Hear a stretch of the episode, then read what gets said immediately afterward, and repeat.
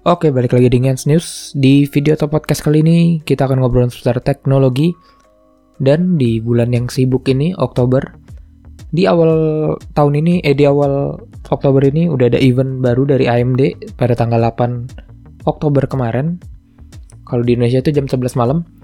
Eventnya tentang AMD Zen 3. Jadi sini kita akan ngobrolin seputar prosesor sih. Agak sedikit se maksudnya untuk orang-orang yang suka prosesor aja tapi menurut gue seru aja untuk dibahas karena gue suka ke komputer. Oke, kita masuk yang pertama itu AMD langsung ngasih tahu kalau ini tuh udah full 7 nanometer. Jadi kalau yang sebelumnya tuh Ryzen Zen 2 atau yang 3000 series itu sebenarnya udah 7 nanometer juga tapi itu sebenarnya di dalam chipnya itu nggak full 7 nanometer tetap ada yang 10 nanometer atau 12 sih. Sebentar kayaknya masih ada yang 10 nanometer atau 12 nanometer gue lupa. Pokoknya tuh belum full 7 nanometer. Sedangkan yang di Zen 3 ini udah full 7 nanometer jadi punya lebih uh, apa ya? Dia tuh lebih bisa komunikasinya tuh bisa lebih cepat gitu loh untuk meningkatkan single core performance-nya. Kemudian di event ini tuh yang lucu adalah AMD tuh udah nggak banding-bandingin lagi sama Intel ya. Karena kalau kita lihat dari Ryzen pertama kali rilis itu selalu ngebandingin sama Intel tapi kayaknya di Ryzen 2 kemarin atau Ryzen 3000 seriesnya tuh udah menang. Ya udah bisa dianggap menang lah lawan Intel jadi mereka kayaknya udah ngerasa nggak perlu dibandingin sama kompetitor. Terus uh, di sini juga AMD tuh ngumumin bukan ngumumin sih ngedepanin banget tentang AMD Ryzen 9 5900X mereka. Kenapa? Di sini tuh pertama akhirnya AMD tuh ada tes Cinebench R20 single core itu ngelawan Core i9 10900K dan AMD Ryzen 5000 5900X ini adalah prosesor pertama yang bisa nyentuh skor di atas 600 untuk single core di Cinebench R20. Ya, gua sebagai orang yang suka banget AMD, bahkan sampai sekarang gue masih pakai Ryzen generasi pertama yang 1700X. Itu kaget karena IPC-nya itu bisa senaik itu gitu loh. Bahkan AMD mengklaim bahwa Ryzen Zen 3 mereka ini kenaikannya dibanding Zen 2 itu adalah 19% dan itu menurut gue jam performance yang lumayan banget. Oke, jadi kalau ditanya apa sih emangnya fungsinya apa gitu loh single core kenceng? Ya jelas gaming kenceng karena yang kita tahu Intel tuh sebenarnya udah nggak ada power lagi untuk lawan AMD di multi threaded atau multi core, tapi mereka masih kenceng banget di single core-nya. Dan akhirnya tuh di Ryzen generasi ketiga atau 5000 series ini tuh ya udah ditunjukin kalau AMD itu juga bisa gitu loh. Dengan catatan Ryzen 9 5900X ini harganya lebih mahal daripada Core i9 10900K. Yang menurut gue ya nggak apa-apa karena kalau emang performance-nya emang udah menang banget ya nggak ada salahnya untuk ngelit harga sih maksud gue uh, untuk AMD karena dia tuh udah berkorban banyak banget dari Ryzen generasi pertama kayak harganya tuh selalu kompetitif gitu kan. Dan akhirnya di sekarang di cast, uh, ditunjukin oke okay, kita mau buat kita jadi market leader jadi mau nggak mau harganya bisa lebih, sedikit lebih naik. Menurut gua nggak apa-apa asal emang performancenya tuh setara yang apa yang kita dapat.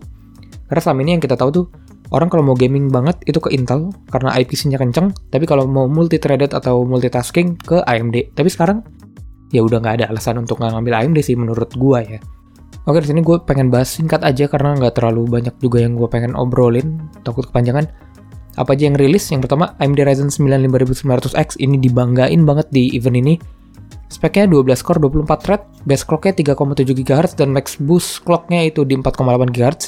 Ini tinggi untuk sebuah Ryzen. Terus TDP-nya 105 watt. Ya, TDP itu bukan wattnya ya, maksudnya kalian jangan beranggapan oh oke okay, 105 watt berarti gue pakai power supply 400 watt aja. Nggak gitu. Itu kayak ya gimana ya? Rating TDP itu bukan untuk ukuran maksimal watt yang akan keluar gitu loh pokoknya. Ya kalian bisa baca di jagat review atau di mana yang lebih detail ngebahas ini. Tapi maksud gue gue cuma pengen ngasih tau doang kalau TDP itu bukan power maksimal dari prosesornya. Kemudian harganya sendiri di 549 US dollar kemudian ada Ryzen 7 5800X 8 core 16 thread, base clocknya 3,8 GHz, maksimalnya di 4,7 GHz. TDP-nya 105 watt juga, harganya 459 US dollar. Harganya ini itu sama kayak Ryzen 3000 XT series. Jadi menurut gue masih kompetitif sebenarnya untuk sebuah prosesor. Kemudian ada Ryzen 5 5600X. Ini akan menjadi prosesor gaming andalan orang lagi karena sebelumnya kan 3600 yang udah overallnya bagus banget di single core atau multi threaded dia udah menang lah. Tapi kayaknya di 5600X ini akan sedikit lebih mengerikan lagi.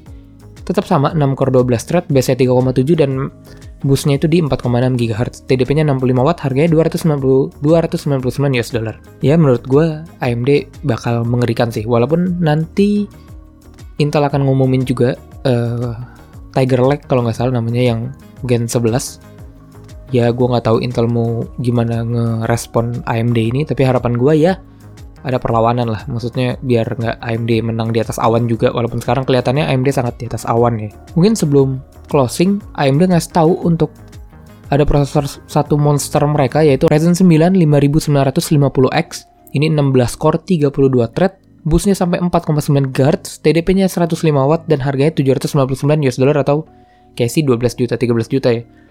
Ini tuh udah bukan prosesor, menurut gue udah bukan prosesor untuk konsumer biasa. Ini tuh lebih ke emang kalian yang konten kreator banget, oke ngambil ini, tapi maksudnya buat kalian yang cuma sekedar gaming, 5600X atau 5800X tuh udah jauh lebih dari cukup menurut gue ya. Dan kalau dibilang, kan tapi tadi yang IPC-nya kenceng itu 5900X. Kalau kita lihat dari Ryzen-Ryzen sebelumnya, single core itu nggak akan biasanya tuh belum tentu paling kenceng di prosesor yang paling kencengnya gitu loh. Bisa jadi aja di prosesor menengahnya bisa setara sama prosesor high end-nya untuk single core. Karena kan kita ngobrolin single core kan. Single core performance bukan multi core. Kalau multi core jelas yang lebih banyak core lebih kenceng di Ryzen. Gue bakal bahas sedikit tentang gaming juga. Di sini tuh AMD akhirnya bisa ngebanggain banget gaming mereka karena ya akhirnya IPC mereka kenceng, mereka bisa banggain gaming mereka. Mereka bandingin sama Intel Core i9 10900K, itu mereka hampir menang di semua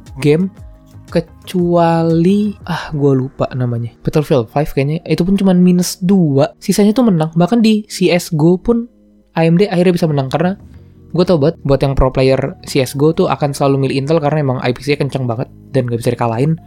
Dan kalau akhirnya sekarang bisa kalah ya udah menurut gue udah nggak ada alasan orang untuk ngambil Intel. Tapi kita nggak tahu. Kita lihat nanti rilisnya semua prosesor ini akan rilis pada 5 November 2020 kayaknya di Indonesia juga akan day one juga ada sih harusnya ya. Dan untuk update sedikit untuk motherboard yang gue baca itu AMD chipset 500 series semuanya akan bisa update di day one untuk prosesor Ryzen 5000 series ini. Dan untuk 400 chipset 400 akan tergantung pada motherboard vendornya untuk ngasih update apa enggak. Karena mereka untuk ngeyakinin juga VRM-nya kuat apa enggak. Dan kemungkinan bakal dapat update-nya itu di Januari 2021 gue sendiri masih pakai chipset 400 dan kemungkinan gue kayaknya bakal tetap pakai chipset ini dan kayaknya gue bakal upgrade dari Ryzen 7 1700X gue mungkin ke 5800X kayaknya. Ya gue nggak sabar sih sebenarnya. Tapi kayaknya masih tahun depan karena masih masih banyak keperluan lain. Gue juga masih mau PS5 kayaknya ya untuk akhir tahun ini. Oke jadi itu aja. Tapi sebelum closing kemarin tuh AMD ngasih teaser untuk Radeon Big Navy mereka itu performancenya setelah gue cek-cek dan gue bandingin komparasinya kayaknya akan mirip dengan RTX 3080 harapan gue sih segitu karena gue pengen buat AMD ada di Radeon Radeonnya itu ada di level atas lagi. Gue pengen bangun PC full team red sebenarnya. Ya walaupun agak susah ya kayaknya untuk ngelawan sebesar Nvidia yang sekarang udah kenceng banget. Ya harapan gue mari kita lihat Big Navy nanti yang akan eventnya itu akan ada di 28 Oktober 2020 ini dan. Dan gue akan recap juga sih pastinya kayaknya. Oke yaudah segitu aja. Mungkin kalau udah kurang lebihnya mohon maaf gue juga terlalu singkat ini. Gue terlalu semangat gue nggak lihat skrip gue nggak lihat. Harusnya tuh kayaknya sih bisa banyak detail yang bisa gue kasih tahu tapi kayaknya ya gue cuman pengen ngasih tahu semangat gue aja di event kali ini. Gue seneng banget ngeliat AMD kemarin. Oke jangan lupa like comment subscribe. Sampai jumpa di video atau podcast berikutnya. Bye